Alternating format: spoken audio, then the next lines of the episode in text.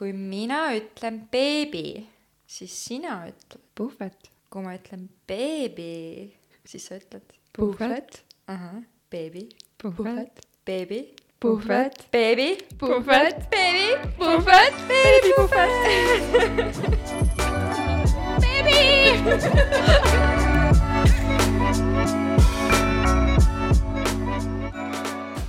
Avelis, mida me täna siin Peep Puhvetis serveerime?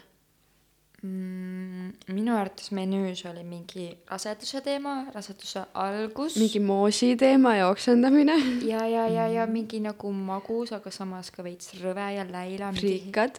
heeringas. Funny story. ahah, ahah mm, Mhm. -hmm. ahah, tuleb juba, läheb nagu eredaks see teema Mhm. jälle. päris hea, päris hea, tundub njämma. tundub söödav. Davai, alustame siis. Davai. Davai. hei, hei, hei, kes sa sealt teisel pool oled? Avelis Annela. Lilian. on siinpool jälle ja meil on ülihea meel, et sa oled jälle otsustanud meid kuulata. tänaseks teemaks on raseduse algus, raseduse tuvastamine, ämmaemanda valimine ja günekoloogiga mingid kogemused, ultraheli ja haiglad. Ja mul on ülihea meel, et sa oled jälle siin. aga tegelikult äh, nagu me ka esimeses osas rääkisime, siis äh, me teisel osas unustasime ära, aga tegelikult tahaks teha sellist asja, et ma loen enda kaasmaalastele siin ühe huvitavama ja veidi controversial äh, artikli ja vaatame, mis me sellest teemast arvame. ma arvan, et päris paljud on sellest kuulnud juba. Aga igal juhul oli siis selline põnev emme, lapseootel emme, Eslanna, kes otsustas äh, koroonat äh, ravida klooriga, et kas te olete sellest kuulnud? kus see uudis oli? see oli Postimehes. jaa, ma nägin seda mm. -hmm. ma ka korra nagu heitsin pilgu peale. et äh, äh, siin on nagu selline hüüdlause või äh, jutu kokkuvõte, et on hulk inimesi, kes püüavad mürgise kloordioksiidiga kõikvõimalikke haigusi ravida. üks lapseootel naine aga otsustas MMS-iga koroonat ravida ning peab oma halbades tervisenäitudes süüdlaseks hoopis teisi põhjuseid. no aga koroonat ei ole ju olemas. ei ole või? okei. nii, ja siin on siis, et kurioosne juhtum on ühes loodusraviga tegelevas sotsiaalmeediagrupis. Teema algataja on kolmekümne nelja aastane naine, kes haigestus koroonasse. ta kirjutab, olen kakskümmend kolm nädalat rase ja arst helistas, et mu maksanäitajad on halvad. ma pole muud ravi teinud, MMS-i ja üks milligramm Panadoli päevas. kõht ei valuta, mida teha, mis ma teen nüüd? ma olen ainult MMS-i nagu kasutanud, ma ei ole mitte midagi muud kasutanud. kullakene. see on nagu Mati, vaata, kullakesed. et kuidas sa kommenteerid? mis ta seal edasi veel räägib?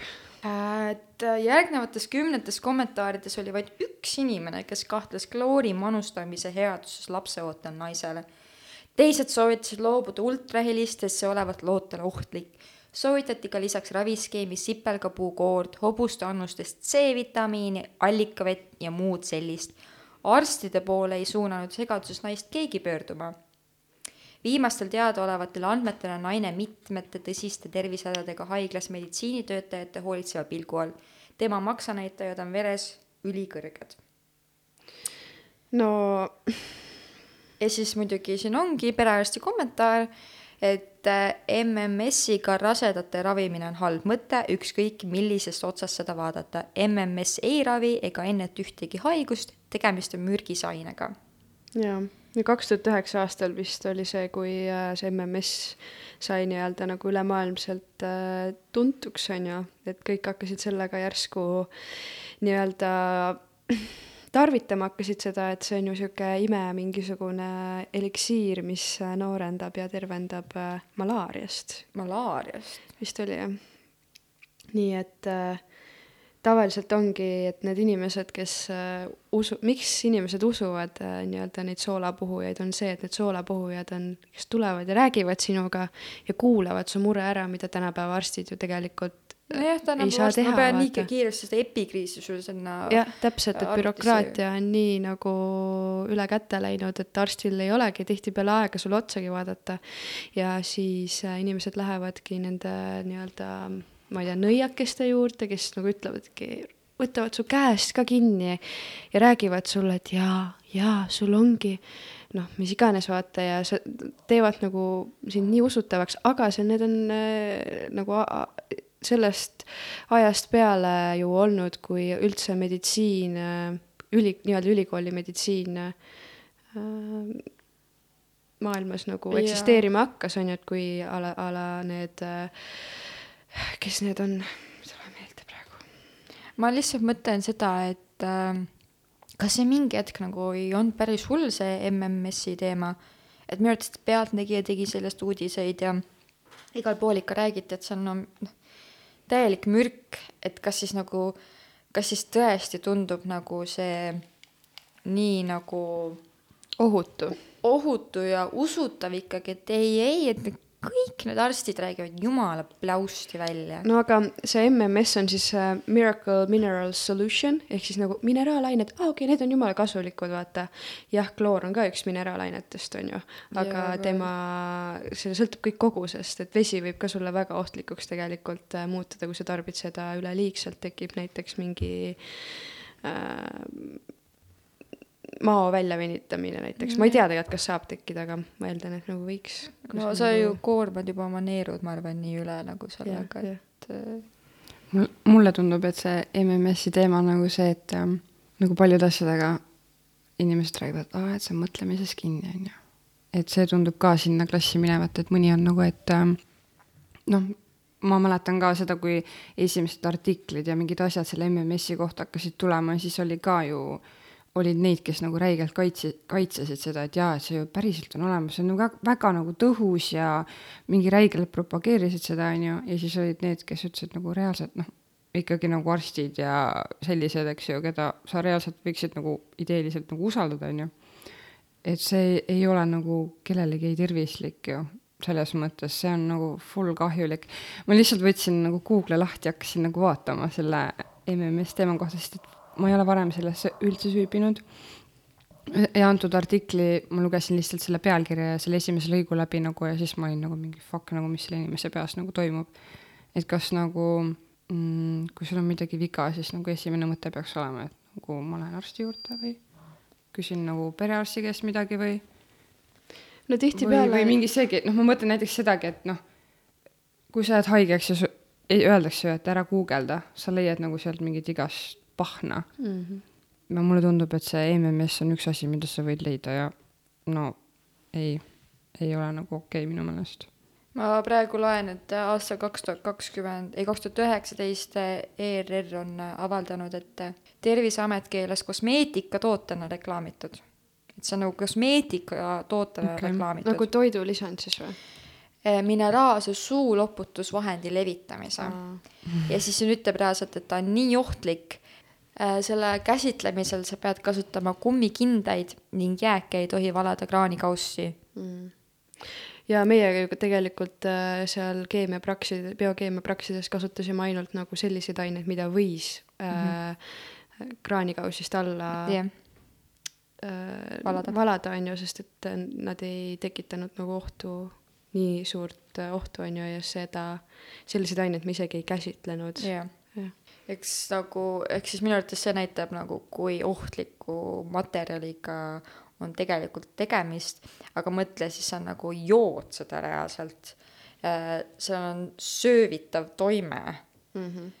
ja ma ei saa aru, miks ta huvitav nii kuulus on, ma nagu ei ole kunagi kuulnud nagu, et kas tal on siis tõesti nagu alguses mingid mingid sellised fantastilised omadused, et nagu korraks tundub, et on ülihea olla.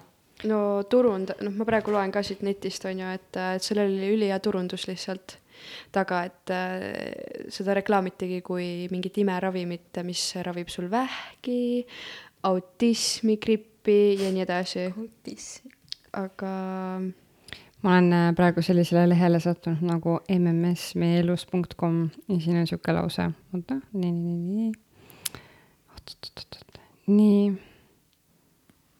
MMS on võimas oksüdant, mis puhastab keha kõigest sellest, mis sinna ei kuulu.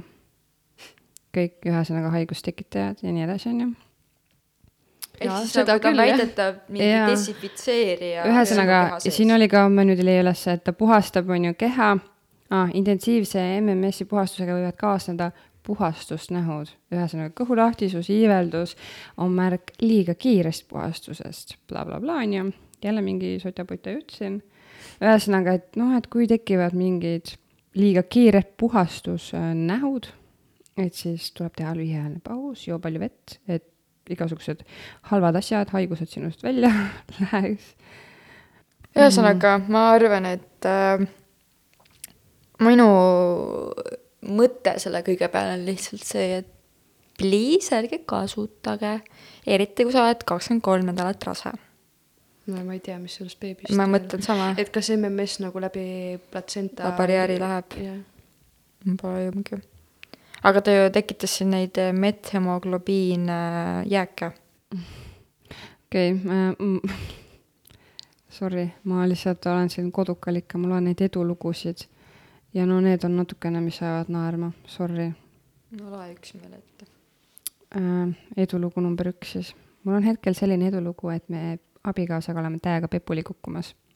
mis asja? Pepu oli pepuli kukkumas.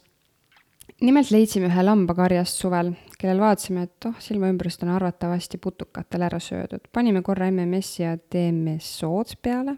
What the fuck is this? okei okay., ja tundus parenevat ja jätsime asja sinnapaika. unustasime ära täitsa, kuna ta meil ette ei sattunud, sest äh, alati osad lambad jooksevad juurde, osad jäävad rahulikult eemale sööma, järelikult tema oligi see alati eemal.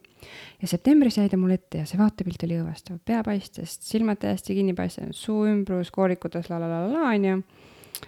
ja antibiootikumid ei aita, tuleks kindlasti karjast eemaldada, mingid siuksed asjad onju et äh, abikaasa ütles, et otsigu mu imerohud välja, et kaotada pole midagi. olin väga umbusklik, usklik, aga kaotada polnud tõesti mitte midagi, kui hakkasime siis kaks korda päevas kümme tilka MMS-i korraga sisse jootma.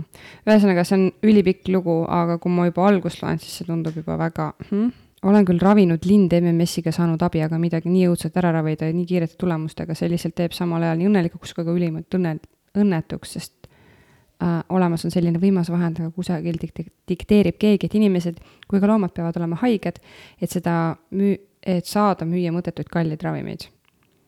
ühesõnaga, inimesel on selline mõtlemine. okei okay.. ma millalgi nägin mingit äh,, kus mingi arst rääkis, et ülitihti on niimoodi, et äh, kui inimene, kellel ei ole elulootust, siis ta on haiglas ja siis äh, üks päev, põhimõtteliselt päev enne mingit suremist või midagi sellist, ta on järsku nagu terve, hästi nagu mm -hmm. elujõuline ja hästi tihti lähedased arvavad, et nüüd saab kõik korda. et äh, nüüd ongi hakanud kõik mõjuma. aga ei, see on tegelikult need, nagu vist oligi, et keegi ei oska seletada, miks see tekib, võite meid parandada, kui tegelikult on mingi seletus sellele. ja siis tegelikult järgmine päev sureb ära. mm. -hmm. ma olen küll seda kuulnud. Et ma ei tea, see on ainuke minu nagu loogiline seletus sellele, et ta on lihtsalt nii suure mürgistuse äärel juba, et korraks siis nagu tundub kõik okei okay,, aga tegelikult järgmine päev sureb maha. mm.. no ma mäletan, et ma lugesin või nägin mingisugust äh, inimest, kes, see oli eestlane veel, ka kuskil a la vaktsiinivastaste grupis, ma vahepeal mingi vaatan puldi pärast sinna, kes äh, arvas, et oma uriini silma tilgutamine on äh, no, noh, see on mingi reaalne mingi uus trend või noh, ilmselt juba vana, aga siis oli uus ja siis ta oli nagu, ma ei tea, miks mu nagu silmad põletikku läksid mm, ja, ja nii, et noh, pane, pane guugelda mingi urine uh, treatment. ei, ma ei hakka praegu, aga mida helli? jah, võib-olla lihtsalt nagu noh, sihuke huvitav asi, millesse inimesed võiks süübida ja nagu aru saada, et see ei ole nagu fine. ja lihtsalt, et nagu teadvustaks, et nagu pigem äkki usaldada ikka meditsiinitöötajaid ja seda, mida nad teevad ja seda, mida nad teavad. mitte, et huvitavate ainetega ennast nagu mürgitada ja veel enam, kui sa oled nagu beebiootel ka. ma lihtsalt kiirelt äh, loen selle ette, et urine therapy on ju sihuke grupp. I have been doing urine drops in my eyes and holding a glass of urine over my eyes for short durations throughout the day. My eyes are getting red and discharging large amounts of pus. I was wondering if anyone else went through this. ehk siis kiirelt, et nagu et inimene on siis manustanud äh, oma uriini silmadesse ja siis ta ei saa aru, miks ta in,, ähm, miks ta silmad on punased ja eritavad mäda. eritavad mäda. uriin on siiski. ja ja siin kommenteerib üks, et uh, that is called detox. Keep Mm. mm. it doing with fresh urine and the redness and discharge will stop. Mhm, lahe. Et uh, uriin on siis, mis sa tahtsid teada, et äh, jääkained jääkained, mis mu kehas ei ole nagu enam vajalikud yeah.. võib ka olla seal ähm, baktereid. baktereid see uriin on. või no kindlasti on baktereid, aga nagu. no see võib olla nagu ka halbu baktereid jah. täpselt. nii, aga siis täna me räägime raseduse algusest ja raseduse avastamisest, ämmaemandatest, gümnakoloogidest, ultraheli kogemustest ja haiglatest. Et äh, äkki Annela, sina tegelikult juba rääkisid päris põgusalt, kuidas äh, Melissa raseduse avastamine toimus. jaa, aga Melinda omast ma ei rääkinud jah, nii et äkki räägi meile Melintšiku omast. ähm,. selles mõttes oli see ka huvitav, et ma räägin siis äh, kaks tuhat kakskümmend aasta kevadest, kui ma vaatasin, ma ei olnud rase veel ja ma teadsin, et me hakkame proovima, onju.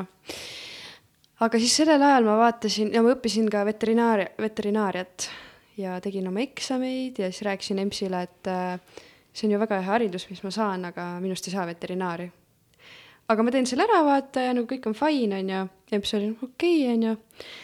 ja siis ma vaatasin äh, seda Pulss seriaali täiega, see on Aa, Soome mhm. meditsiiniseriaal, onju.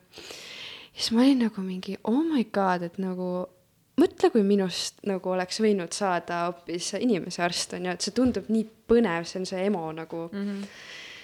aga siis see mõte jäi sinna ja siis äh, oli see koroona, vaata esimene laine ja siis räägiti uudistes, et äh, et hästi kõrge äh, kandidaat või noh, nagu see tase on arsti kandideerimisel sellel aastal mm.. ja siis äh, ma mõtlesin, okei okay,, et ma olen siis vaatan seda konkurentsitabelit, on ju, aga ma miskipärast nagu ei leidnud seda avalikku ülesse. et seal tuli nagu, et kandideeri vaata, on ju, siis ma mõtlesin, noh, panen sisse vaata, et noh, nagunii ma ei saa vaata sinna, on ju, sest mul oli eesti keel äh, alla nagu, ma ei tea, kas alla keskmise, aga nagu ei olnud äh, piisavalt hea, on ju. ja ja siis ma panin sisse ära need paberid ja vaatasin selle rea seal ära, noh, oli jälle mingi viissada inimest, vaata või noh, igastahes neid oli palju seal.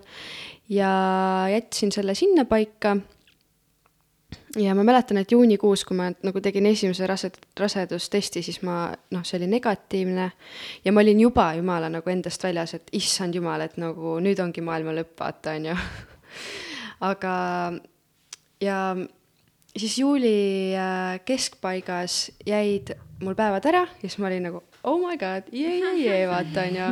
ja siis ma mäletan, et see oli vist seitseteist juuli, kui äh, ma tegin rasedustesti hommikul ja see oli positiivne ja ma olin mingi mega õnnelik, mingi kohe Matisele helistasin kõned peale, vaata, sest ta läks hommikul varakult tööle.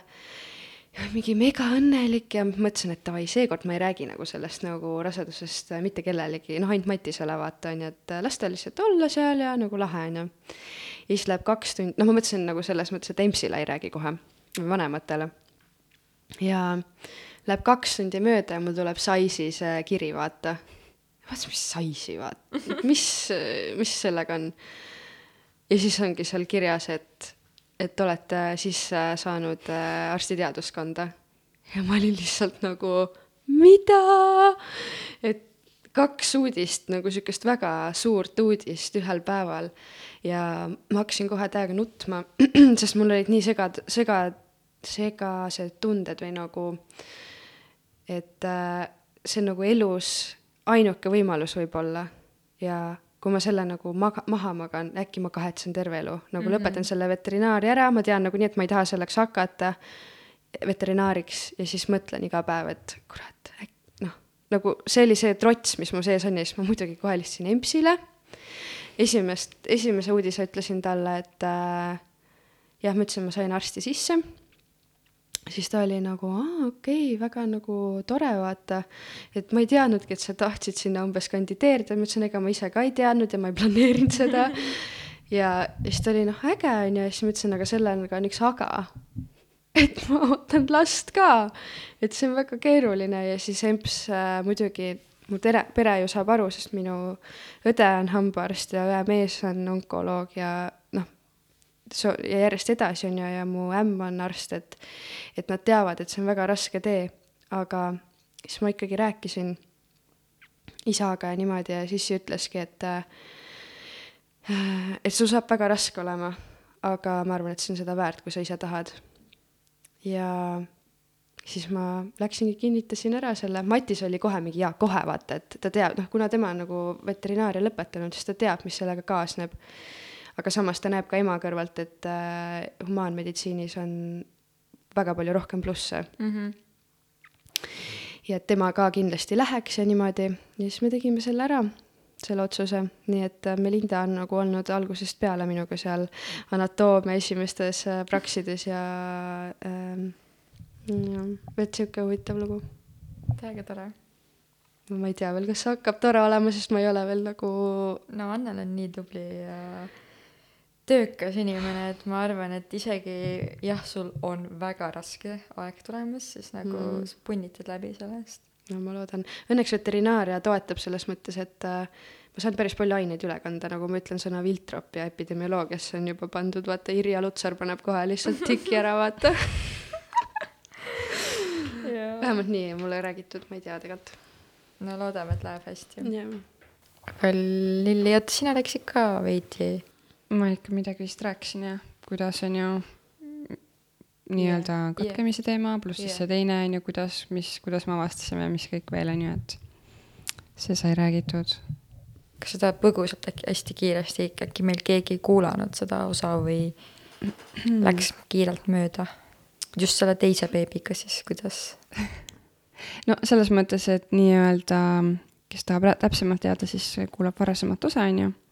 Aga esimene rasedus katkes, teise, siis oli juba teadlik otsus, et nii, davai, noh, kui nagu nii-öelda emotsionaalselt oli raske, siis meil oli nagu see, et me saaks sellega nii-öelda hakkama, et siis proovime kohe uuesti, et me ei, ei lasknud nagu mingi ajal minna, on ju, mõtlesime, et davai, kohe ja läks ülikiiresti, reaalselt nagu juuli lõpp ma sain teada, et oli katkemine ja septembris ma juba jäin rasedaks.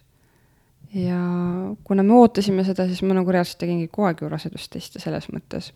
aga ma mäletan väga hästi, et septembri alguses kohe tegin ja testi vaatasin, okei okay,, negatiivne. siis ma tegin kuskil septembri keskpaigas, kus oleks pidanud menstruatsioon hakkama siis oli juba sihuke hägune teine mm -hmm. hakkas tekkima, siis ma olin mingi okei okay,, onju, et siis too hetk nagu oligi see, kui noh, reaalselt nagu tegin koos Rasmusega selle testi ja ma olin mingi, et okei okay,, davai, onju. ja siis, kui natukene hiljem juba tegin, siis oli juba kohe kaks triipu, et äh, see oli nagu täiesti nagu teadlik otsus ja, ja me olime nagu valmis selleks ja nagu tollel hetkel, et, et sellel on omad tagamaad, miks see nagu, miks me olime nagu umbes, et nii peame nagu ära tegema, vaata, et, et ei, et jah. Ma tahaks väikse side note'i siia teha, et kes ei tea, millega on seotud, kui erk või tume see teine triip on, et siis tegelikult see test mõõdab HCG hormooni ja seal on erineva tundlikkusega, et sul on nagu kas vaja mõõtühikus kümme või viis või kakskümmend viis. Ja kui sul, mida vähem sul on, on ju seda HCG hormooni seal, selle sisaldust uriinis tol hetkel, seda heledam see triip ka tuleb. Mm.. et äh, mida rasedam sa oled, seda tumedam see on, on ju. Mm. -hmm. et äh, tegelikult väga tihti, kui sa ikka nagu ma, okei okay,, ma ei taha nüüd mingit äh, umbluu usku anda, on ju, aga et üldjuhul ikka, kui sul see hele triip juba on, siis arvatavasti sa oled Jaa. rase. et ta ei teki sinna täitsa niisama Mm -hmm. aga mul oli see küsimus ka, et äh, kas te nagu kehaga saite ka kuidagi aru, et midagi on teistmoodi mm? -hmm. minul vähemalt oli, ma mul oli nagu konkreetselt nagu täielik väsimus, nagu reaalselt nagu magada oleks täiega tahtnud ja oligi väsimus kõige suurem. aga nagu kuidagi tursas või midagi sellist ei olnud sul? alguses küll mitte.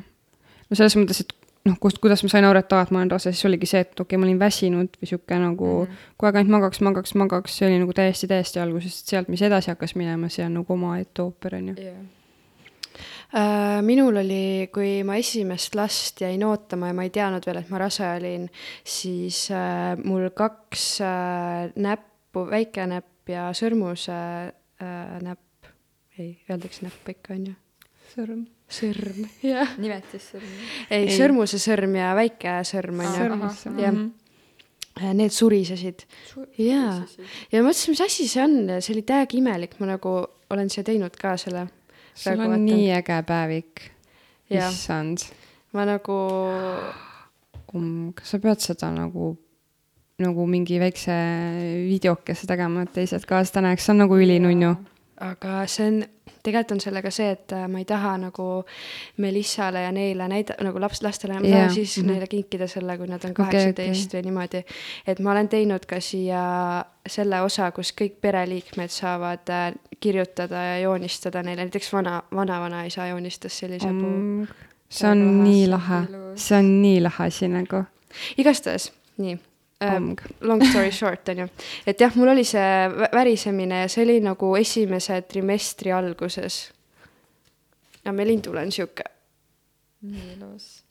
siin on ka meie kihlumisest, aga nagu okei okay,, seda on võib-olla raske nagu edasi anda sõnadega, kui inimest ei näe. aga jah, see oli mul see ja siis pärast testi ma olin ka, okei okay,, ilmselt sellest vaata ongi mm. -hmm. ja ma ootasin seda värisemist ka Melindaga, aga seda ei olnud. aga võib-olla see ei olnud ka seotud, lihtsalt see oli mul nagu, mida ma märkasin enda puhul mm. -hmm. aga sul, Lavelis? jaa äh,, no nagu ma eelmises osas ka siis rääkisin tegelikult, siis äh, mina ei osanud üldse arvata, et ma ju võikski rase olla mm, -hmm. kahtlustada mm. -hmm. seda.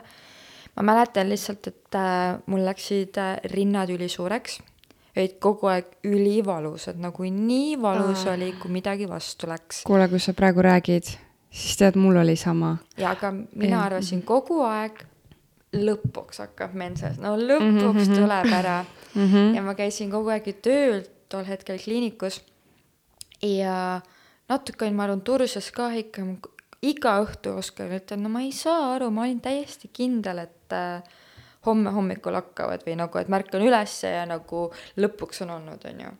Mhm. ja siis äh,, aga see oli too aeg, kus ma nagu püüdsin jälle hakata jooksma rohkem ja siis ma käisin äh, ühes äh, äh, eraldi jooksutrennis ja ma tol päeval tegin räigelt palju trenni veel, nagu ilgelt palju. sõitsin isegi sealt äh, Nõmmelt tagasi Krissusse äh, rattaga ja sõin mega vähe ja järgmine hommik ärkasin, mul oli nii paha olla.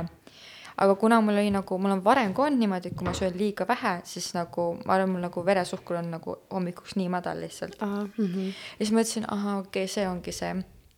ja siis mul hakkas mega paha ja siis ma käisin oksendasin. ja siis äh, Oskar üks hetk on nagu, et "Aga kuule, äkki sa oled rase, vaata. siis ma olin mingi ahhaa, nii hea nali ja ma pidin tööle minema too päev tegelikult. Ja siis ma nagu kiiruga guugeldasin või nagu, siis ta oli nagu juba see tunne ka, et nagu, et aga äkki ma olengi nagu, äkki tõesti nagu ongi mingi lausime toimunud, ma olen mingi Virgin Mary on ju siin. selles mõttes, et mul ei ole päevasid olnud. You get the point, eks ole. ja siis äh, läksingi äh, hästi kiiresti läksin Pelgulinna mingisse apteeki, mis avati kell kaheksa hommikul. ostsin kaks testi äh,. kohe läksid, kohe tulid kaks triipu. Mm. ja siis ma olin mingi, mida?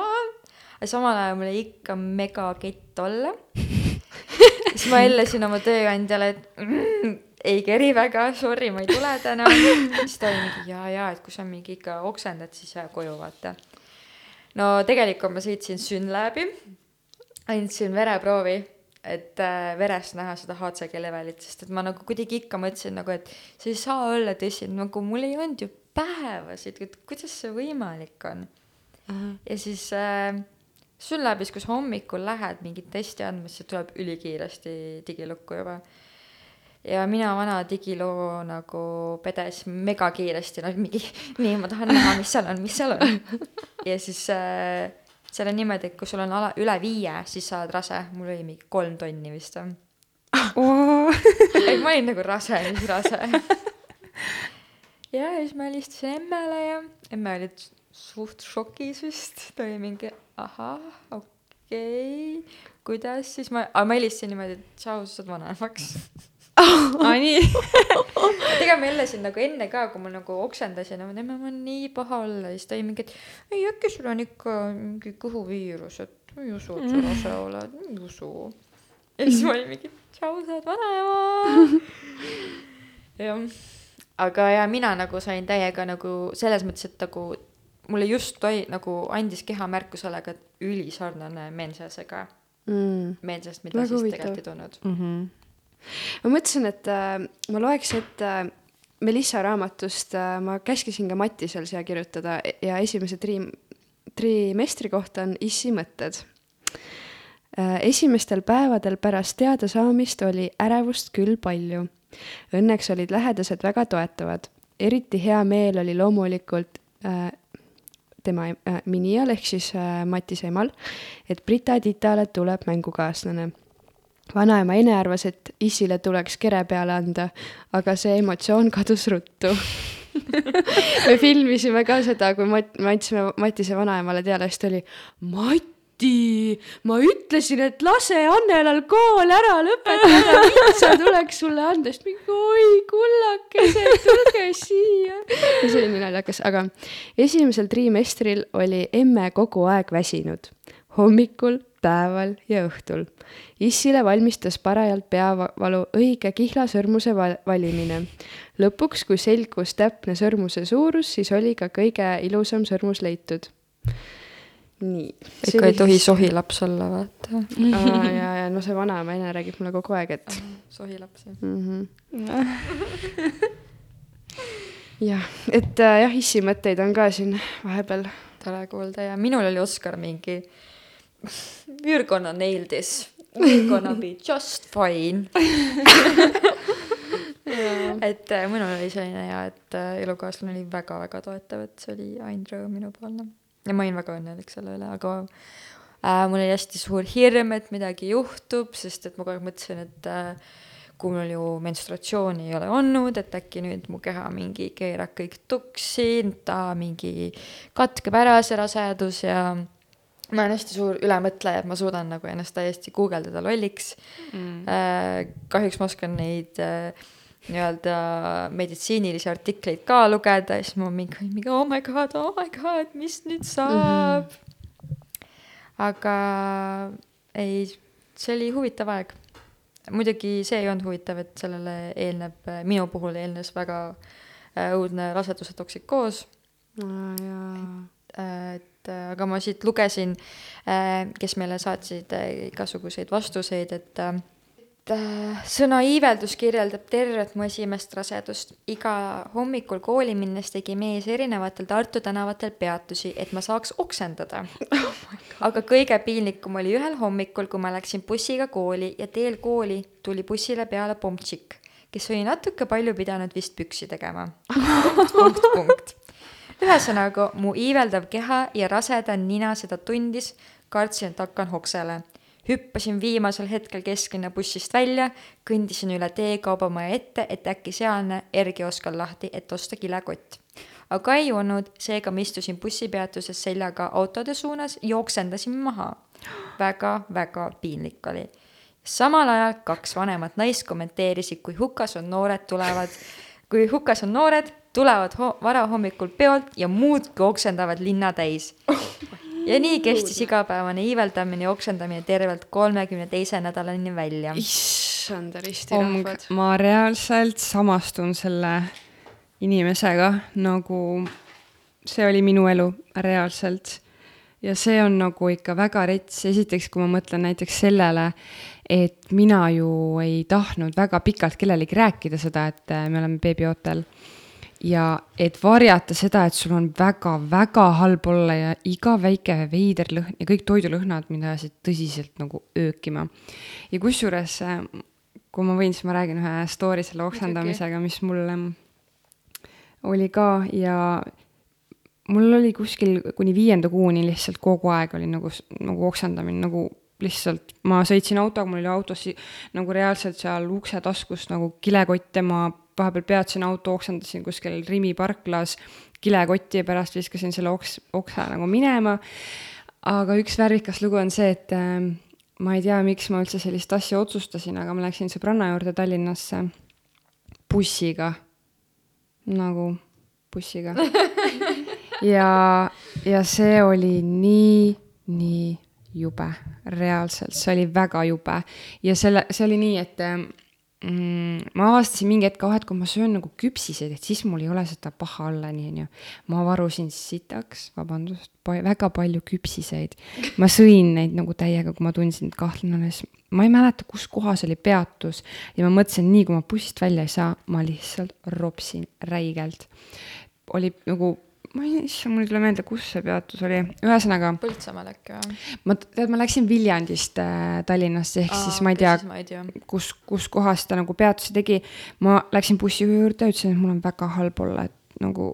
ja seal oli. jälle pidu panna natuke. ei, kusjuures ei, bussijuht oli täiega tore, ta ütles, et jaa, mõnedel inimestel hakkabki bussis halb. okei, okei, täiega nummi. jaa, täiega tore, siis ta ütles, et ah, ma küsisin, kas bussis on nagu WC on ju, siis ta ütles, et ei ole, aga tead, mine sinna majja, sa saad seal vetsus käia ja saate aru, ma konkreetselt jooksin, ma jooksin sinna majja, ma jõudsin WC ukse või nagu selle kabiini ukse lahti teha ja ma juba oksendasin. ma juba oksendasin, nagu potti selles mõttes, aga ma ei jõudnud enda selja tagant ust kinni panna, ehk siis nagu ma juba no,, saad aru, ja ma reaalselt nagu värisesin, mul oli sihuke nagu ärevus tekkis ja siis mõtlesin, issand, kuidas ma nagu survive in selle sõidu Tallinnasse. reaalselt ma kirjutasin Rasmusele, et ma suren ära, ma ei suuda, ma tulen maha, sa tuled mulle järgi, siis ma nagu kuidagi hakka, hakkasin ennast ise rahustama, et okei okay,, ma ei mõtle selle, et mul on paha olla, onju. sisendasin endale, et ära mõtle sellele, ära mõtle sellele. bussijuht oli ülitore, ta ütles, et tule istu siia ette, et kas sul on nagu ikka halb, ma ütlesin ja, ja, onju. kuidas ma ütlen bussijuhilt, aa, ma olen nagu rase, onju istusin sinna ette, ta tegi, pani noh, et mul puhuks nagu külma enda juures, tal oli ka mingi see asjandus, on ju, ja puhkus mul nagu õhku, siis oli fine. ma jõudsin Tallinnasse ja siis oli järgmine etapp, kuidas ma jõuan taksoga Diskresse bussijaamast mm,. taksoga, eriti Tallinna taksod mingi kihutavad. jaa, ja see Diskre on ju nagu vaata kui ja. kaugel. okei okay, äh,, ma nagu survive isin selle ka ma jõudsin sõbranna juurde ja ma olin lihtsalt nagu näost lumivalge nagu, ma mõtlesin nagu never again. Rasmus tuli mulle Tallinnasse siis järgi, kui ma nagu mingi päev sealt hakkasin ära tulema. see Tallinna sõit ka oli nii, et eh, kõige värvikam koht, kus ma olen oksendanud, võib-olla on need inimesed seal, Tallinnas on Mercedese see esindus seal ma ütlesin Rasmusele, peata kinni, peata kinni, Rasmus, kus ma siis, mul pohhu, mul on täiega halb, mul on täiega halb, meil ei olnud kilekotti nagu autos. siis ta pani, me olime just seal, pani Mersu sinna esinduse parklasse, ma lükkasin ukse lahti, põhimõtteliselt nagu hoo pealt, onju ja siis oksendasin räigelt nagu ja mul hakkas samal ajal ninast nagu verd jooksma ka, mida juhtus mul ülitihti. ja siis ma öökisin ja öökisin ja kõige ägedam selle kõige juures minu nende auto oksendamiste juures on see, et Rasmus alati silitas mu selga nagu ta oli nagu väga nagu supportive, et ta mingi, et ta nagu ma nägin, et ta tahaks nagu mind kuidagi aidata, aga kuidas ta nagu aitab, on ju ja terve Tallinna tee siis kulges selliselt, mul oli konkreetselt nagu pea jalgade vahel kilekotis, ma olin mingi, et oh my god, mul on nii halb, mul on nii halb, on ju, siis ma mingi vahepeal mingi peata kinni, siis ta mingi peata, aa ei ole vaja, vahet pole, lähme edasi umbes. nagu niimoodi. Ja seda, see oli nii jube. Ja peale, ja peale seda nagu ma ei taha üldse tegelikult bussidega sõita ka, mul on nagu mingi ja, ja ma ei saa taga, autos tagaistmel ka istuda, sest mul on nagu hakkab halb, ma olen näost lihtsalt lumivalgeks.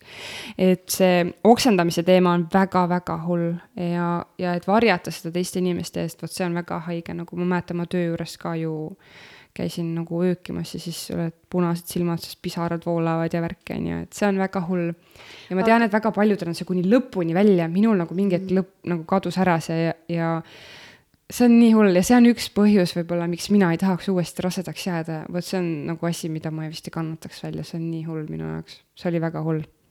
aga meile üks äh, inimene kirjutas ka siis ülihea nipi ne-, nendele, kes äh, ka vaevlevad võib-olla praegu oksendamise käes või kes äh, tulevikus jäävad rasedaks ja Lilian, loe see kas ma võin ette. seda lugeda ette? see on nii hea vastus, see on nii hea vastus reaalselt, see inimene, kes selle saatis meile, sa oled nagu geenius for real, minu jaoks oled sa geenius. aga lugu siis selline. õppisin ära üsna varakult nipi, kuna iga hommik oksendasin ja iiveldasin meeletult, siis iga hommik jõin sooja teed ja marju, sest kui ma taaskord oksendasin, tuli üles vaid soojamoosi ja järelmaitse ja järelmaitsegi oli hea ühesõnaga soe moos tuli üles nagu kurat, miks ma selle peale nagu ei tulnud.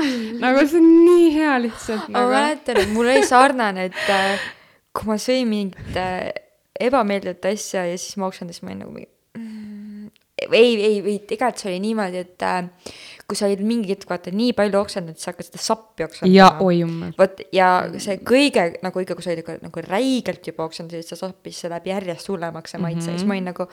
Avelis, sa pead ainult sellepärast praegu sööma, et kui sa kettima uuesti lähed, siis ei ole see sapp vähemalt Mm -hmm. et äh, õudne ja minul näiteks oli nagu selle iiveldusega see ka, et ma hakkasin ennast nagu kõigutama. et nagu mul, noh, mul oli halb olla ja siis ma kõigutasin ennast. nagu ma ei tea, ja magama minnes ka ma lihtsalt hakkasin nagu jalgu nagu tõmb-, hakkas nagu väristama kuidagi. ma hakkasin ennast kõigutama ja ma ei tea, kuidagi nagu toimis mu jaoks või aga nagu see, et lõpuni, et oh, et, et nagu mingit nippi anda siin kellelegi, et oh, see minu laitest, tead mitte midagi ei, Ei olnud mul oli pigem see, et kui ma saan õhku, vot see on nagu hea, onju. ja ma just tahtsin öelda, kui sa sellest äh, bussiasjast rääkisid mm, Mhm. -hmm. külm õhk oli nagu kõige parem, aga ma olin mingi südasuvel noh, noh oi jummel. aa, issand, ma unustasingi ju mainida, et äh, meil Annelaga äh, see eostamise kuupäev vist oli mingi üks või kaks päeva vahet, et äh, ja mina, sa ütlesid, et sa said seitseteist juuli teada, mina sain kuusteist juuli teada. ja meil oli täiesti, oleks me siis nagu- suhtlenud, oleks nii äge olnud Jaa, see sihuke avastamine, aga me ei suhtlenud siis. siis tol hetkel veel ei suhelnud ja beebidel oli meil tähtaja vahe oli, et ma tean, et Sassul oli reedel ja sul oli esmaspäev vist see tähtaeg, vist oli jah Et noh, niimoodi. kui lähestikku saab lihtsalt. aga siin on äh, üks äh, huvitav iivelduse story veel, et äh, minul tavapärast hommikuiiveldust ja oksendamist sellele ei järgnenud, vaid mul tekkis õhtuti öösiti selline iiveldustunne. nii kui voodisse heitsin, hakkas paha. siis aitas ainuke, sõin tavalist leiba, kui üks viil ei aidanud, siis sõin kaks. see oli päris naljakas aeg. Läksin põhimõtteliselt leivaga magama, mitte mehega enam. kujutan ette väikse leivaga tekk peale. aga kusjuures äh, mina käisin äh, rasedate joogas Tartus ja minul ei olnud selliseid probleeme nagu oksendamine, ma ei oksendanud mitte kordagi kumma, kummagi, kumma, nagu mitte kummagi. nagu öelge see sõna mulle, kumb nagu kumbki rasedus ei toonud kaasa oksendamist. ja aga seal rasedate joogas on alguses selline jagamisring kus igaüks äh, ütleb nagu, kuidas tal läheb, kas tal on mingeid probleeme või, või on kõik hästi, vaata. ja siis suht palju seal toodi nagu nippe, et äh, kellel ongi ma ei tea, minul näiteks oli seljavalud, on ju, siis öeldi, et äh, ma ei tea, pane mingit seda salvi peale või noh, mingeid siukseid asju, vaata, et ma sain täiega abi sealt. ja aga seal olid ka igasugused poosid, mis pidid nagu iiveldustunnet ära võtma, et me tegime nagu, harjutasime neid ka, ma ei tea, kas need nagu reaalselt aitasid, sest mul nagu ei olnud seda kunagi. aga naised väitsid küll seal, et äh, mõned poosid tõid äh, täiega neile kuidagi leevendust selle iivelda- mm., iivelduse vastu nagu. kas seal mainiti ka seda, et kui sa oled nagu mm, kõhuli, need jalad on endal krõnksus ja kuidagi selliselt oled ma, ma ei vaata kõhud oli, ma jah, ma ei, niimoodi ei mäleta. ma ütlen, vaata raseduse algus, noh, sul ei ole veel kõhtu, ehk siis Jah. sa saad vaata olla, onju. minul Jah. näiteks oli ka see, et ma olin reaalselt voodis, nii et mul olid põlved nagu kõhu all, ma olin lihtsalt niimoodi kuidagi kägaras. ja Aa. siis, siis mul oli ka nagu hea olla. aga ma arvan, et nende, noh, hea on nagu saada selliseid soovitusi, onju, et äh, ja sa saad proovida. mina ei käinud rasedate joogas ega kuskil sellises, et äh, mina mingi guugeldasin ja värki ja noh, minu meelest see on ikka väga raske leida, kui see on ikka väga-väga halb olla. Ega ei aitagi minu arvates Mul on väga, ka need see on tunne- ju tegelikult hormoonid, millest on võib-olla lihtsalt aga nagu leevendust leevendust nagu on veits selles mõttes jah. ega, ega ei aita, mina lihtsalt äh, nagu sa ütlesid, et sa olid raseduse alguses hästi väsinud, mm. -hmm. mina võtsin päris kiiresti selle äh, töövõimetuslehe nii-öelda, sest ma, ma lihtsalt ei suutnud, ma ei suutnud isegi kõndida, mul oli nii halb olla. et äh, ma võtsin viis kilo alla, ma kaalusin vähem äh, vist mingi kuueteistkümnendal rasedusnädalal veel, mis on mm -hmm. nagu teine trimester juba sest ma olin nii palju lihtsalt oksendanud välja ja ma ei suutnud süüa ka, kuigi ma teadsin, kui ma söön, siis mul hakkab parem. et see oligi hästi huvitav, et äh, tegelikult nagu söömine aitas, mingi kuivikute söömine aitas, aga näiteks äh, noh, huvitavatest isudest rääkides, ma ei suutnud juua vett. Et äh, tegelikult ma ju peaks kogu aeg vedelikku tarbima, aga ma ei suutnud, eriti nagu kuna äh, Tartust pärit, siis Tallinna vesi on minu jaoks täielik äh, rõvedus. Ja meil on kodus need Brita kannud nii-öelda siis, millega me filtreerime seda vett. ja siis äh, ma ei suutnud seda ka, selle nägemine ajas mul iiveldama, et kui Oskar pakkus mulle nagu ei, ei, ei, ei. ja lihtsalt Oskar ostis mulle pudelite viisi äh, värska mineraalvett ma ka jõin mineraalvett mm -hmm. täiega. ja siis oli, teine oli see mingi Vichy kreibimaitseline spordijook. ma ainult neid suutsingi juua ja siis ma mäletan, ma olin nagu suht mures ka, et tegelikult ma ju peaks nagu vedelikku tarbima. ja siis mul gümnakoloog oli, ükskõik, mis sa saad alla juua, joo seda kasvõi mm, -hmm. et sa midagigi mm -hmm. tarbiksid. tõsi. ja siis ma mäletan, et äh, ma suutsin, kuna oli suvi, siis olid just nagu tomatid tulnud ja siis ma sõin lihtsalt mingi kümme nädalat järjest iga hommik ainult põhimõtteliselt kaks võile, nagu et oli must leib, merevaik ja tomat. ja lihtsalt niimoodi kümme nädalat järjest. nagu see oli ainuke, mis ma suutsin süüa kogu aeg. On, ma, kui ma, kui ma mõtlen näiteks sellele, et äh, mingitele isudele või mida ma nagu sõin või jõin, tead, ma üldse ei mäleta, et mul oleks olnud mm. nagu see, et äh, raudselt Rasmusel on mingi, sa sõid kogu aeg seda või sa tahtsid kogu aeg seda. ma ei mäleta üldse, aga et Avalis me täna rääkisime sellest äh, hommikul, et et rasedana oli see, et kui tahtsid nagu midagi, mõtlesid, et ah, tahaks midagi süüa, on ju, või midagi. ja siis äh, ma olin nagu see, kes hakkas vaatama nagu netist toidupilte nagu sõid nagu silmadega õhtul Jaa. hiljem, et ah, tahaks seda süüa või tahaks mingit, midagi süüa täiega, on ju. ei viitsi kuhugi minna, on ju, siis reaalselt, ma reaalselt nagu guugeldasin pilte või mingi Pinterestis vaatasin toidupilte või söögi tegemise videosid ja siis mingi mm, tahaks seda mm,, tahaks seda, oh ma kindlasti ostan, siis lähen söön seda, seda, seda, seda, seda, ma mäletan nii hästi seda. issand, see oli nii haige. Ma mäletan, me Annelega ka rääkisime mingi hetk seal raseduse lõpus, kus tuleb see teema juba, et no nüüd ei tohi enam nagu, peab Mm. kaalu hoidma. ja siis äh, me olime vist mõlemad mingi kolmkümmend viis nädalat rase olnud ja siis ma, oli see vastlapäev ja siis ma tõin vastlaid, vastlakukleid äh, Annelale. siis Annel oli mingi, kurat küll sa teed ja siis tõstab kohe endale üks ja tõstab ette ja siis "Mm, tahab veel, tõstab teise ka. Need olid jumala head ka. sa tõid Tallinnast need ma tõin Tallinnast jah. et, et see on nagu naljakas, kuidas nagu alguses sul on nii paha ja mitte miski ei ole sees ja siis üks hetk käib nagu mingi täielik switch ära ja siis on mingi, tahan magusat, tahan seda, tahan mm -hmm. seda. ja siis on tegelikult see, et no ei tohi enam niimoodi patustada.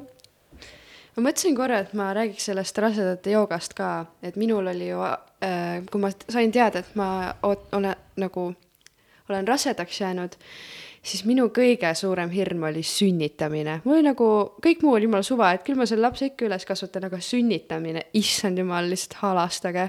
ja ma mäletan, et ma sõitsin bussis ja vaatasin, lugesin sünnituse kohta mingist raamatust ja seal oli platsentast pildid ja mina kui loomaarstiks, loomaarsti tude, tudeng on ju, olin näinud nagu igast asju, vaata on ju, ja mul ei tekitanud kunagi mingit rõvedust äh, korjuste peal mingi lõikamine või õppimine, kõik see, aga ma nägin seda platsentat ja ma lihtsalt hakkasin nutma hirmust, et äh, minul on ka või nagu ma olin nii nagu kartsin seda nii väga, see oli täiesti ebanormaalne, ma lihtsalt Matisele ka ulgusin, et mina ei lähe sünnitama nagu sünnitab keegi teine minu eest nagu see oli kõige õudsem ja siis ma sattusin kuidagi sinna rasedate joogasse ja seal lihtsalt kõik mu hirmud kadusid ja ma olin ma olin lihtsalt täiega excited, et ma lähen sünnitama, seal nagu võet-, võeti nagu kõikidel naistel, ma arvan, sest et äh, tagasiside seal pärast sünnitust äh, kes tahtis, kirjutas oma loo, sünnitusloo äh, sellele treenerile või õpetajale ja siis ta luges selle ette ja peaaegu iga, noh, peaaegu iga nädal ta luges midagi ette ja siis seal tuli ikka niimoodi, et jumal tänatud, et ma siia tulin, et mu sünnitushirmud olid nagu täiesti nullitud. ja mul oli ka väga normaalne esimene sünnituskogemus. et äh, seal aitab hästi palju see, et sa nagu hingest, mitte nagu häälestud selleks sünnituseks koos mehega ka. ja ma täiega soovitan seda, aga nüüd, nüüd ma ei tea, koroona ajal võib-olla see ei toi-, toimi enam, ma ei tea. Muidu see jooga oli täiega minu, minu jaoks oli see üliülioluline. kas sa käisid mõlema raseduse ajal ja käisid samas nagu kohas või? jaa, aga Melindaga oli lihtsalt see, et ma ei jõudnud sinna nii palju, kui ma oleks tahtnud, sest see koroonaaeg tuli. ja ma tundsingi, et mul oli puudus sellest. aga virtuaalselt ei tehtud seda või? kõik Mm-mm. olid nii moodsad, et hakkasid tegema nii, et ei? ei, olnud jah. mm. Võib-olla pärast tuli, aga mul oli see ka, et esimene kursus arstiteaduskonnas ja lihtsalt paraku võib-olla ka ei olnud aega, kui oleks tahtnud minna. ja ma, ma mõtlen, et hästi oluline on ikka see nagu tugi Mm -hmm. et äh, paratamatult nagu läbi, ma mõtlen nüüd raseduse, sünnituse, kui ka need siis äh, imetamisalgused, esimesed eluaastad äh,. Mees on väga-väga oluline, aga paratamatult ta nagu ei saa kõikega samastuda no imetamine näiteks. imetamine on ju, et äh, ja ta ei saa iga murega sest et juba see juba, et äh, tema hormoonid ei lähe selliseks, sellisele kõrgusele, kuhu meil nad küündivad, on ju. Jah. et meil aju ongi natuke crazy tol hetkel. aga et äh, hästi oluline on kindlasti, kui sul on keegi sõbranna või kas siis sa lähedki sinna rasedusjoogasse, sa saad seal nagu jagasin, ennast tühjaks rääkida mm -hmm. ja jutustada ja et äh, kindlasti kes on rasedad või plaanivad rasedaks jääda, siis ma täiega soovitan nagu kellegi leida endale mm. -hmm, sest täiega. et äh, mingi hetk meiega hakkasime jälle suhtlema mm. -hmm. rohkem ja oli nagu kergem olla, et me saime nagu Täiega. veidike muresid jagada. minul näiteks äh, raseduse ajal oli ainult üks sõbranna, kes oli siis nagu äh, nii-öelda beebi saanud, minu ristipoja ema siis, eks ju, minu Mm. kümne aja sõbranna, kelle ma, kellega kunagi koos räägilt pidu panime, nüüd oleme kõik, elame mom life'i, täiega äge nagu on mõelda sellele. aga tema oli nagu essa, kes sai äh, lapse ja ma mäletan, ma küsisin temalt nagu hästi palju mm. -hmm. ja temal oli nagu täiesti sihuke ma mäletan, ma olin nii kade, sest ta ütles, et mul ei olnud mitte midagi, ta põhimõtteliselt ei saanudki aru, et ta rase on, lihtsalt kõht kasvas, on ju, et mitte mm. -hmm. midagi ei olnud viga, mitte kui midagi. ja siis ma olingi nagu, kuidas see võimalik on, siis nagu ta, ta ei osanud nagu head nõud mulle anda, vaata, on ju, et mul oli nii nagu, mul oli nagu kõik, mis olla sai, on ju, ühel rasedal, on ju ja, ja siis ma mäletan, saasin talle ikka kõhu pildistada, mingi oi kasvab ikka ja siis raseduse lõpus oli see, et kuule, mis sa arvad, kas mu kõht on juba alla vajunud, mingi saatsid neid pilte nagu hea oli kellelegi rääk- rääkida nagu ja küsida, et kuule, kuidas sul oli.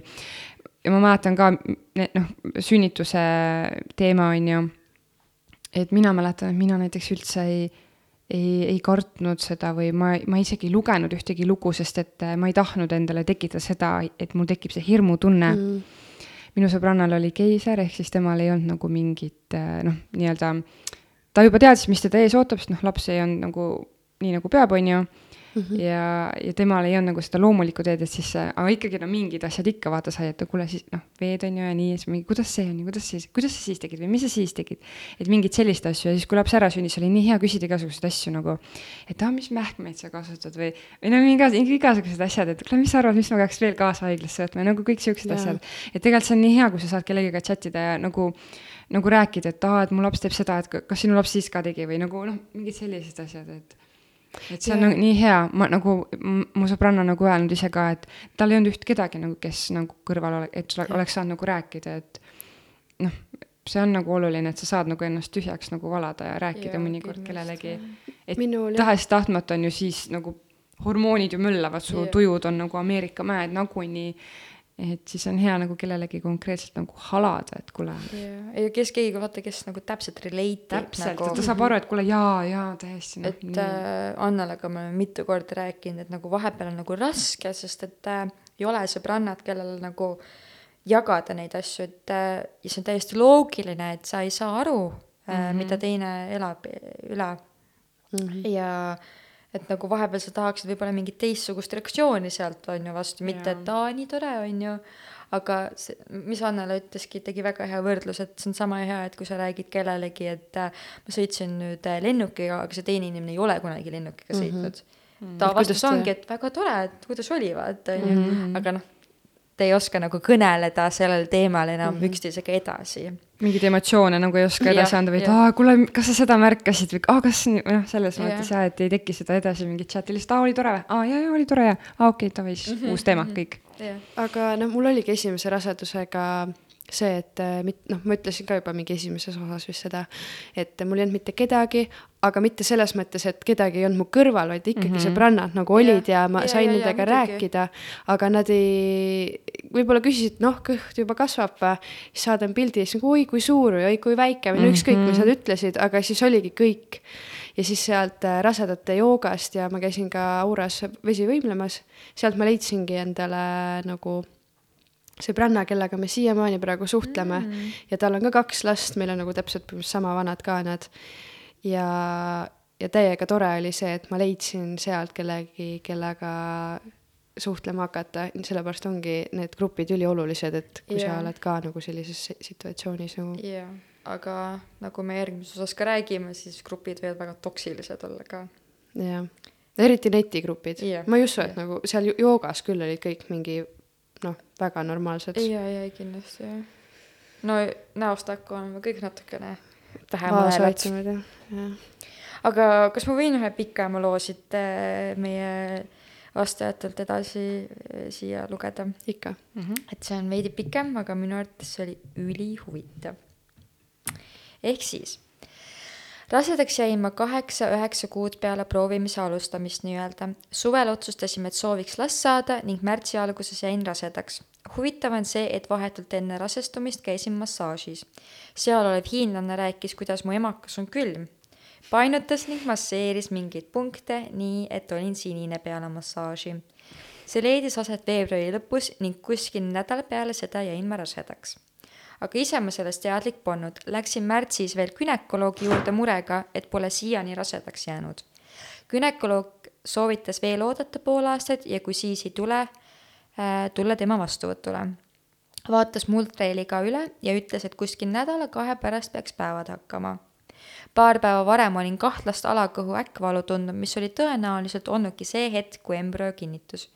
Pidime aprilli algul sõitma Mehhikosse, endal ülihea meel, et päevad tulevad enne reisi ja siis ootasin ja ootasin ning päevi ei tulnud.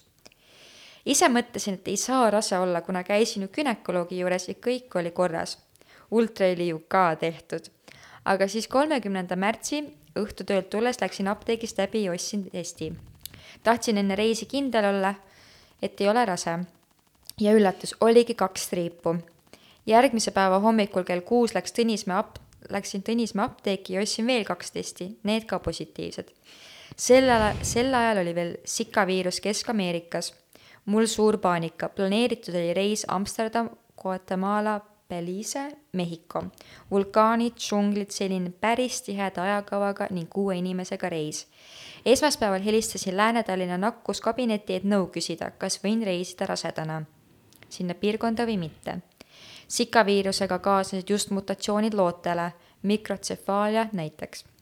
Telefoni teel polnud nad nõu valmis andma, pidin vastuvõtule minema, aga lennuk väljus meil teisipäeva hommikul. panin aja kell kaheksa teisipäeva hommikuks. esmaspäeva õhtul läksin sõprade juurde, et öelda, et ma olen rase ja et me vist ei tule reisile. kõik ööbimised olid läbi minu kontole bronnitud, osad summadki makstud. Nad olid päris segaduses, igaüks vist oleks. Tere, olen rase ning me ei tule reisile, mida oleme pool aastat planeerinud. aga igatahes otsustasime, et lähme mehega enne lennu väljumist nakkuskabinetti konsultatsioonile koos kõigi oma kohvritega ja kui arst lubab, lähme lennukile, kui ei luba, siis lennujaama me ei tule. ja arst lubas, pidime küll reisi ümber tegema. Belize, džungel ja vulkaanid jäid ära, olime piirkondades, kus sikat levitavat sääski polnud, tegime veidi rahulikuma reisi, mis tuli välja, sobis mu reisikaaslastele paremini. nii et äh, täiega huvitav lugu. täiega huvitav lihtsalt, kuidas kuidas need rasedused vahepeal ikka satuvad sinna nagu, et praegu ei oleks nagu vaja vaata nagu, Jah. oota natuke aega veel, aga aga siis läheb ei, nagu ma tulen. mingi aasta mööda ja siis sa saad aru, et tegelikult oli see jumala õigel ajal. jaa minu arust tavaliselt sul oli ka see, et sa ütlesid mulle, et tegelikult oli nii õige aeg. ei, et kuna siis umbes veel vaata. ei, no selles mõttes jaa kindlasti, et noh mm,, vaata, ma arvan, et äh, selles mõttes, et äh, mul oli väga raske kooliga ikkagi, et äh, ma lõpetasin nagu loomaarsti teaduskonna nagu täiesti rasedana, aga ma olen mõelnud vahepeal. ei, sa ei lõpetanud rasedana, vaid sa nojah, lõpetasid oli, lapsega mul. oli jah vastsündinu reaalselt on ju kõrval, et mingi kahenädalane no kui sa lõpetasid, siis ta oli ikka juba paarikuune ja. siis ta oli paarikuune, aga ma mõtlengi nagu, et kui ma neid aineid tegin, siis ta oli kahenädalane niimoodi, et yeah. Zoom'is olin äh,, imetasin lihtsalt tissi otsas. ja siis no ma olin Zoomis, kui ma sünnitasin. no, davai. et äh, jah, aga ma mõtlen, et võib-olla selles mõttes oli hea, et äh, ma olin väga ju nagu lost sellega, mida edasi teha, et äh, just universum oli, et me anname sulle siia väikse teekese, et saad edasi mõelda siis. ja, ja. et äh, aga kuidas sul näiteks oli selle nagu, kui sa registreerisid äh, raseduse ära, on ju, või nagu sul registreeriti ära, et kas sa ämmaemandat nagu hakkasid valima või? ja Ise mina või? valisin ema okei. okay. selles mõttes, et äh, sellega oli ka huvitav case, et Tallinnas on selline koht nagu siis Tallinna Seksuaaltervise Kliinik. Sinna saab ülikergelt aja, tasuta ja see on ülisõbralikud arstid ja minu jaoks on hästi oluline, et oleks noor arst üldjuhul ja sõbralik. ja kuna mul oli selle, tähendab günekoloogiga kogemusi juba, siis ma kohe läksin tema juurde. tol hetkel ma olin mingi neli nädalat vist rase olnud või midagi sellist siis ta oli mingi ja, ja et sa oled rase, et aga noh, südamelööke ju ilmselgelt veel ei olnud. sest nagu nii, nii vara oli. siis ta pani mulle järgmise aja, siis oli midagi kuus nädalat ja viis päeva vist või midagi sellist, siis olid südameloogid, südamelöögid juba olemas. ja siis ta oligi, et äh, mis sa edasi tahad teha, et kas sa tahad minu juurde tulla Pelgusse üle. siis ma olin nagu, et jaa. siis oligi paar nädalat läks hiljem, läks mööda, siis ma läksin tema juurde jälle günekoloogi ja siis ma nagu ise vist küsisin, et äh, kas ma peaks tegelikult ämmaka endale nüüd võtma, sest et ma olin alati kuulnud, et rasedad on ikka ämmaemanda juures mm. -hmm. Ja siis ta, ta oli hästi huvitav, ta oli nagu, et sa ei pea, et sa võid minu juures ka käia. ja siis ma olin nagu, et okei okay,, et nagu kuidagi oli nagu, et mm, ma ei tea, mida teha, et ma ei taha nagu ei ka öelda, muidugi ma oleks hea meelega günekoloogi juures, on ju, aga noh, üldjuhul sa ei ole ju günekoloogil nagu, sa ju hakkad mingi hetk väga tihedalt käima seal mm. -hmm. ja siis äh,, siis seal oligi üks ämmakas, kes kirjutas seal arvutisse ja mäletan, et ämmaka praktikant oli ka. Ja siis äh, nad küsisid, okei okay,, et kas sul on mingeid eelistusi, siis ma olin nagu jaa, keegi, kes on sõbralik ja noor. ma olin nagu kohe, et jaa, ta peab olema noor ja ta peab sõbralik olema. sest ma teadsin, et kui mul tuleb mingi selline veits kibestunud viiekümne viie aastane mutikene, siis äh,, siis ma ainult ulun nagu see, miks ma tekitan endale sellist stressi, et ei ole mõtet tegelikult.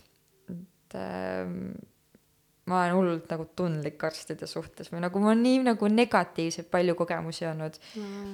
ja siis ma, ma alati valin ja kui keegi ei tea, siis äh, arstitrend või trend midagi sellist saab vaadata, mis on arstide reiting, täiega soovitan lihtsalt ja ma ei teadnud seda, sa lihtsalt mainisid seda paar päeva tagasi yeah., siis ma kohe guugeldasin ka. et äh, kui tahate teada, kuidas teid äh, arste on reititud, siis see on hea koht. tervisetrend.ee vist. jaa. Aga huvitav on see, et kui me siin arutasime teemasid, et äh, millest rääkida, nii ja siis ämmaemandate valimine ja siis tuli välja, et äh, minul ja Lilil oli täpselt sama ämmaemand no kui väike saab Eesti lihtsalt Jaa. olla? ja, ja mina ei valinud endale ämmakat, et ma lihtsalt mingi jah, sobib või nagu mulle öeldi, et sa saate umbes sellel kuupäeval tulla, vaata ja, ja saab küll, vaata. Ja sama, sama nagu reaalselt, et see kuupäev, see, see arst, see kabinet, see. jaa, pange kirja, panin kirja ja nii läks. sest et no ülihea nagu pole nagu millegi üle kobiseda. jaa aga, oli teil hea kogemus või? jaa jah, täiesti. mingit huvitavat seika ei ole või? Ähm, minul oli, kui ma teise raseduse ämmaemandaga läksin arvele, siis ähm, siis ma sain teada, et ämmaemandat saab valida, sest et nagu ma ei teadnud mitte midagi, ma lihtsalt olin mingi, et davai, vaata arsti juurde minek nagu ikka. aga siis mul see sõbranna, keda ma kohtasin seal rasedate võimlemises, tema ütles, et, äh, et mine selle ämmaemanda juurde, et ta on nii tore nagu. Ja ma teadsin ka teda, sest ta oli mul vana kooliõde. Ja ma esimese visiidi läksingi tema juurde ja siis ta ütles, et aga sorry, ma lähen nüüd Tallinnasse õppima.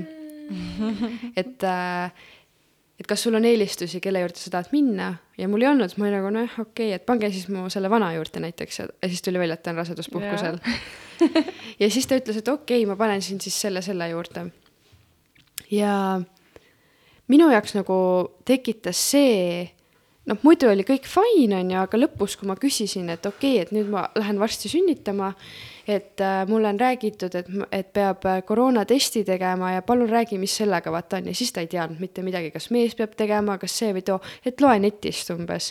mõtlesin, et issand jumal, et see on ju see koht, mida, kus tema peab kõige, peaks olema informeeritud ja, ja peaks oskama rääkida sellest. ma küsisin, et okei okay,, aga palju see umbes maksab, vaata, no siukseid küsimusi, et oi, ma ei tea, ma vaatan siit netist.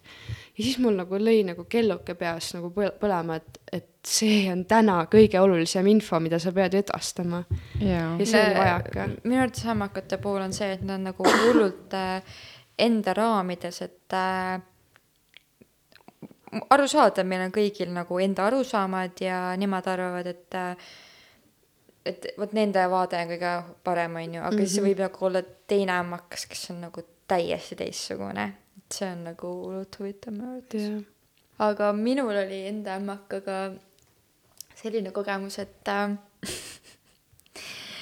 äh, ta oli hästi chill, ta oli tõesti ülisõbralik, sa läksid tema juurde nagu, et ah, no tšau, girlfriend, mis toimus, vaata. No..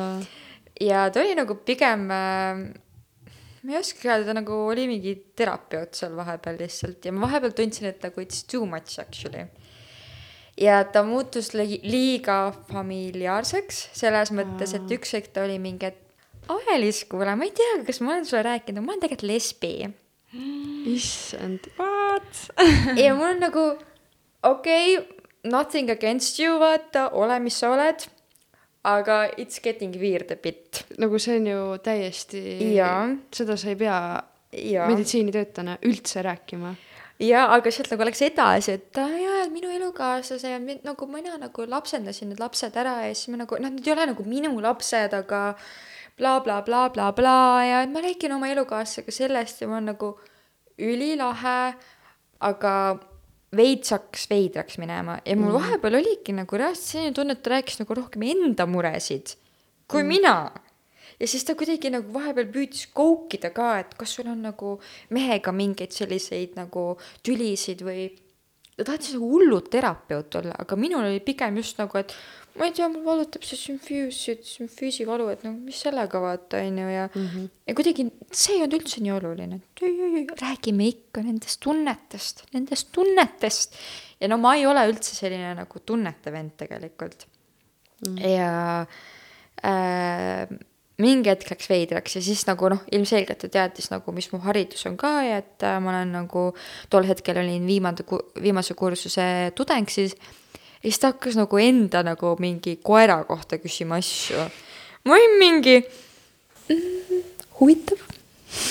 okei okay,, tõesti väga huvitav tüüp äh, emakast nagu ma vist koguks Pipoli või kuidas siin kuskil mingi jutt oli, nii et väga veider et äh, ei, nagu selles mõttes, et mul oli ülitore temaga, et mul ei olnud kunagi nagu ebamugav või nagu ma ei kartnud või selles mõttes, on ju mm, -hmm. aga mingi hetk läks liiga nagu me ei ole sõbrad, me ei ole mhm. sõbrad. peaks ikka nagu arsti ja patsiendi nagu suhe olema, et nagu veits fine on nagu küs-, noh. no ja, aga sa saad aru aga, nagu mm. -hmm.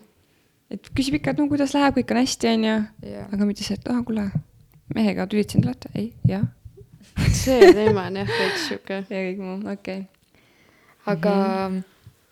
Aga kuidas teil haiglaga on nagu kogemus, kas haigla oli nagu, tunnete, et oli õige koht? nagu sünnitusmaja, sünnitusosakond või see nagu naisteosakond? praegu jah, just nagu see, et kus te neid teste käisite andmas ja kuidas personal ja, oli, ülinorm. jaa. Minu, ma ei tea, nii palju, kui minul on nagu kokkupuudet üldse on nagu noh, kui käid naistearsti juures ja kõik see on ju, ma ei tea, minu meelest nagu ülitoredad ja sõbralikud inimesed Jaa. nagu on, ma nagu täpsustame nüüd ära ka, kus te olite. Tartu Üli- Tartus, Tartu käite mõlemad Ülikooli. Tartu Mhm. Ülikoolis, Jaa, kliinikumis. kliinikumis, jaa. aga minu nagu selle osakonnaga tuleb mul kohe see nagu meelde, et kui mina käisin seal oma kontrollides, siis ma nägin jumala tihti seal tuttavaid, kes tulid oma meestega sealt ja Aa. Matise sõpru just. ja siis ma olin nagu Matisele, et kuule, ma nägin su seda sõpra nagu seal äh, osakonnas, et ma arvan, et ta ei lähe sinna niisama nagu naistearsti vastuvõtule kaasa, vaata. ja siis tuligi välja, et ongi rasedad, vaata, ja ma nägin Jah. nagu kahte Matise sõpra okei, ja see on nii naljakas, et äh, see oli lihtsalt sihuke side clip ja Matis käis ka mul uriiniproove viimas isegi sinna, et äh, seal ei olnud nagu üldse mingit sellist kahtlast vibe'i, et kõik oli hästi toetav ja Mhm. sõbralik. täiega sihuke ma mäletan, kui me käisime ultralis, kui see soo teadasaamine oli, siis ma mäletan hästi, Rasmusega koos läksime, siis me mingi ootame selle ukse taga ja siis Rasmus ikka oli sihuke, no nii veider on olla siin sihuke noh, onju. ta on sihuke hästi tagasihoidlik ja tema ikka tundis, no ma ei tea, kas ma umbes pean ikka tulema ja värki onju. ta ikka tahtis tulla, aga lihtsalt oligi nagu see koht, koht onju Mhm. ja siis oli ka, et oled seal pikali, siis Rasmus istub kõrval ja siis nä- noh, näed seda ekraani on ju seal ja siis oli nagu kuidagi nii, nagu nii äge tunne või ma ei tea, see, kes seda protseduuri läbi viis, ta oli ka mingi, no tahate sugu ka teada või, no mis te arvate, mis seal paistab, Rasmus juba mingi mm, poiss. et juba nagu nägi ära ka onju, et äh, hästi tore nagu üldse, ma ei tea, verd, kui läks andma näiteks alati nagu küsitud, kõik okei? Okay,, paha ei ole, istu, mine istu väi- väljas võib-olla natukene, et ära kohe võib-olla autoga sõitma mine ja mingi sihuke nagu, nagu nii tore nagu, et äh, hästi hea nagu. nagu. kogemus, et äh, no ja muidugi ma, ma olen nagu kuulnud ka seda, et mõnel on nagu just nagu negatiivne olnud sama koht ja täiesti nagu mingi mm -mm. aga see olenebki personalist, nagu ja. kõik need asjad, et, et äh, mina ka püüan mõelda, et arvatavasti ei ole nagu sünnitusmaja siis süüdi, on ju, vaid paratamatult see personal, kellega sa satud kokku. Aga Avelis, mis sinu kogemus Tallinnas on, et meil on vaata siin Tartu kogemus, mis on ülipositiivne mm. -hmm. meil mõlemal. et äh, kuidas sul seal Tallinnas oli? jah, et äh, mina olin siis Pelgulinnas äh,. ma, ma ütlekski, et nagu kogu aeg oli fifty-fifty, et äh, äh, kui ma läksin äh, esimest korda näiteks äh, verd andma, see on see kaheteistkümnes nädal või kümnes nädal, mis iganes see on seal, siis ma sain nagu äh, sõimata äh, umbes, et äh, ma ütlesin, et äh, palun võtke mult vasakult käelt verd, et ma tean jumala hästi, et iga kord, kui võetakse paremalt käelt, siis lõhutakse soon ära. siis ta ei kuulanud mind, võttis ikka selle käe, muidugi ta lõhkus selle ära. ja pidevalt oligi selline nagu, et no mida sa plõksid siin, on ju, et äh, aga ma saan aru, nad teevad justkui liinitööd, on ju, kogu aeg tuleb uus naine, kogu aeg võtad verd, võtad verd, on ju. jällegi ultraheli osas oli meil nagu väga tore, et äh, see esimene oli meil muidugi viimane ka selles mõttes, et äh, esimene kaheteistkümnendal nädalal, esimene trimestri ultraheli, et see oli ainuke kord kui sai kaasas käia, et siis tuli koroona peale. kuidas teil oli? Matis ei käinud mitte ühtegi ei saanud ühtegi, okei okay,, meil ühe korra veel sai. Mhm. et jah äh,, aga nagu me siin ennist mainisime, et eks see personali asi on eks vaata, nendel on ka ju omad päevad, on ju, selles Kindlasti. mõttes, et äh, kas nende tsükkel näiteks on Jah, äh, õiges kohas, on ju, et noh, et sa kunagi ei tea, mis seal taga põhjustaks. lihtsalt äh, ma tunnen seda, et äh, rase naine ja ka sünnitav naine, nad on väga haprad mm, ja ma olen täiesti kindel, et nendel ämmakatel on ka ju ikkagi mingisugune eetikaloeng või eetikaaine. ülivähe. no ma tean, meil oli ka vähe, aga aga arstidel on räigelt hea. ja siis äh, mul ongi tuttav äh, ämmaemand, kes õppis nüüd arstiks. Ta rääkis, et neil nagu neil ei olnudki seda teemat põhimõtteliselt, et äh, see nagu patsiendiga suhtlus on põhimõtteliselt täiesti null, sa lihtsalt, nad ei õpi sellest üldse ja õed äh, ka, nendel on hästi-hästi minimaalne. samas nüüd arstiteaduskonnas minul esimesel kursusel oli see täiega nagu hariv ja mulle nii meeldis eetikaine, vetis lihtsalt nagu nagu täiesti mõttetu oli see, mida me seal vetis tegime. vetis mäletad mm,, kui oli see, et kui sul on teprekas peal ja et mida siis teisel ajal teed, sa mäletad, mis meie kursaõde ütles või? küll läheb paremaks. püüa lihtsalt positiivne olla. väike side note siia, et kui on raske elus, siis püüa lihtsalt positiivne olla ja kõik läheb paremaks. aga ma vaatan, kas meil on siin mingit põnevat lugu veel kellelgi jagada. Aga mulle tundub, et väga paljudel on ikkagi sarnased kogemused, et enamjaolt meile vastasid naised, kes ootasid seda, et nad jääksid rasedaks ja enamus nagu jäid päris kiiresti, mm. -hmm. Aga muidu ka Uh, mul oli ka siukseid, kes ütlesid, et nad tahaksid väga jääda Jah., aga ei ole õnnestunud Jah. ja võib-olla kunagi ei õnnestugi või on, on, on nagu probleemne see Jah.. aga, aga sellel teemal me tahaks rääkida mõnel teisel, noh, kutsuks kellegi, kellel on väga Jah. raske see teekond olnud või on käimas. jah, et äh, kutsuks kellegi on. rääkima. ma arvangi, et me saame hakata siin otsi kokku tõmbama. huvitav, huvitav on ikka see rasedus, ma ütleks. Keegi mainis siin, et äh, raseduse alguses ta sõi räigelt heeringat ja mina sõin ka heeringat. ma ei ole elu sees mitte kunagi varem heeringat söönud. ei olnud enne söönud ja ega ka nüüd ei söö heeringat, aga vot siis ma sõin. ma lugesin just enda seda Melinda raamatut äh,, suht naljakas, et viies nädal on parasjagu käimas ja ma tsiteerin enda mõtteid. Esmaspäevast saadik tunnen, et esimesed raseduse ilmingud hakkavad vaikselt endast märku andma. rammestunud olek, söögiisu hommikuti puudub, kuid nälg on olemas. hetkel tunnen, et tahaks seapekki süüa. väsimus tegelikult lööb mind rivist välja. Melissa Jonni tujud on kõige õudsemad, sest kõiksugu hormoonid tilisevad peas ja närvilisust tudemaks, aga muidu ju kõik hästi. muidu mingi piis, aga kõik on sitasti tegelikult. seoses nende huvitavate äh, isudega mul lihtsalt tuleb meelde, kus äh, paar tuttavat on maininud nüüd, kuna siin hiljuti, et ühel on äh, selline tunne, et ta tahaks kogu aeg mulda süüa. aga ma olen lugenud seda Jaa. beebigruppidest ka. no vot, ja teine asi, ma ei tea Lund., kas ma olen kuul-, kas ma lugesin seda kuskilt või keegi rääkis, aga see, et äh, pesu, kui sa lähed pessu ja sa näed seda nuustikut, millega Ahah. sa pesed, et tahaks sinna nagu hambad külge panna, vot see on rets lihtsalt. aga jaa, ehk siis nagu need mm, tujud ja tunded on ju, et nagu mida see naine peab nagu läbi elama, sa nagu teadvustad, et see ei ole okei okay,, aga fuck, ma tahaks ikkagi sinna hambad külge ma olen panna. lugenud, et kriiti. jaa, vot seda ma olen ka kuulnud täiega palju. Ja krohvi, mis asi? krohvi, lakkuda. krohvi. ma lihtsalt meenutaks nagu, et mulle meeldib bensiini, kas ma tahan siis bensiini juua või? oi jummel. aga ma ütleks seda, et äh, muidu vaata naised ütlevad, oo rasedusaeg on nii ilus aeg ja oo, oo, siis nagu isegi kui minul ei olnud mitte midagi, siis rasedus on kõige õudsem asi üldse. mina ka nõustun äh, sellega. lapse kasvatamine on kümme tuhat korda lihtsam. Ma olen ise naljatle-, naljatanud äh, peale sünnitust, et äh, ma võin sünnitada, aga rase ma enam olla ei taha. sama. ma ei tahaks väga mõlemat enam teha, aga kui ma lihtsalt, kui ma võrd-, võrdlen seda, et äh, milline oli raseduse periood minu, minule ja see sünnitus, siis noh, sünnitus oli nagu meh ja rasedus oli nagu, see kestis nagu üheksa kuud, see on nii hull. aga samas, kas ma mõtlen nagu, et ma tegin raseduse ajal nii palju, et äh, ma läksin nii-öelda raseduspuhkusele, on ju, siis Mhm. neliteist veebruari enda kahekümne viiendal sünnipäeval ma tegin viimast päeva praksi. sul on pilt ka Instas sellest Jaa. kui keegi tahab vaadata. Äh, et ma läksin, tegin selle praksipäeva ära, mõtlesin, et nagunii ma ei saa pidu panna, ma olen rase, lõpprase, koroona on, lähen teen viimase praksipäeva hoopis suurelt tähistan nagu, et jess. ja see oli pühapäeval, nädal aega ma istusin kodus ja neljapäeval siis ma hakkasin sünnitama, et mul ei olnud nagu absoluutselt mingit puhkust mitte kordagi.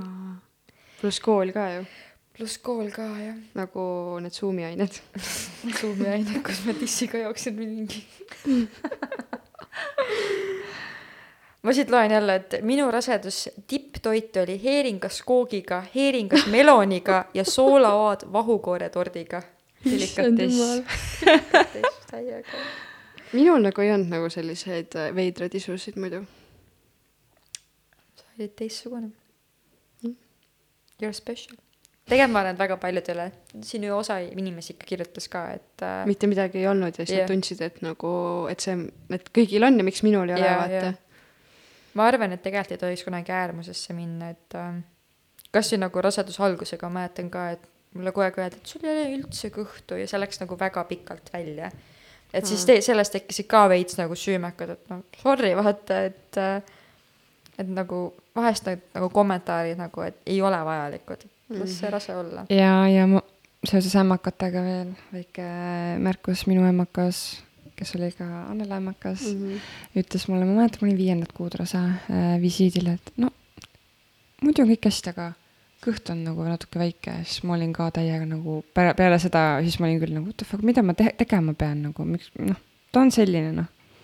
aga kusjuures nagu mul meenub enda mingisugune seik äh, just hiljuti, kui ma käisin rasedat pildistamas, kes oli lõpprase ja tema kõht ei olnud nagu tal oli megaväike kõht, ta nägi megakena välja ja paratamatu ma, ma lipsas nagu see suust mm, -hmm. et oh my god, sul on nii väike kõht, nagu sa näed nii hea välja. jaa, ei ma nõustun, et nagu mul ka, kui ma nägin nüüd äh, enda sõbrannat, kes äh,, me nägime kolmapäeval, ta sünnitas neljapäeval ja ma paratamatu olin nagu oh,, sa oled nii suur.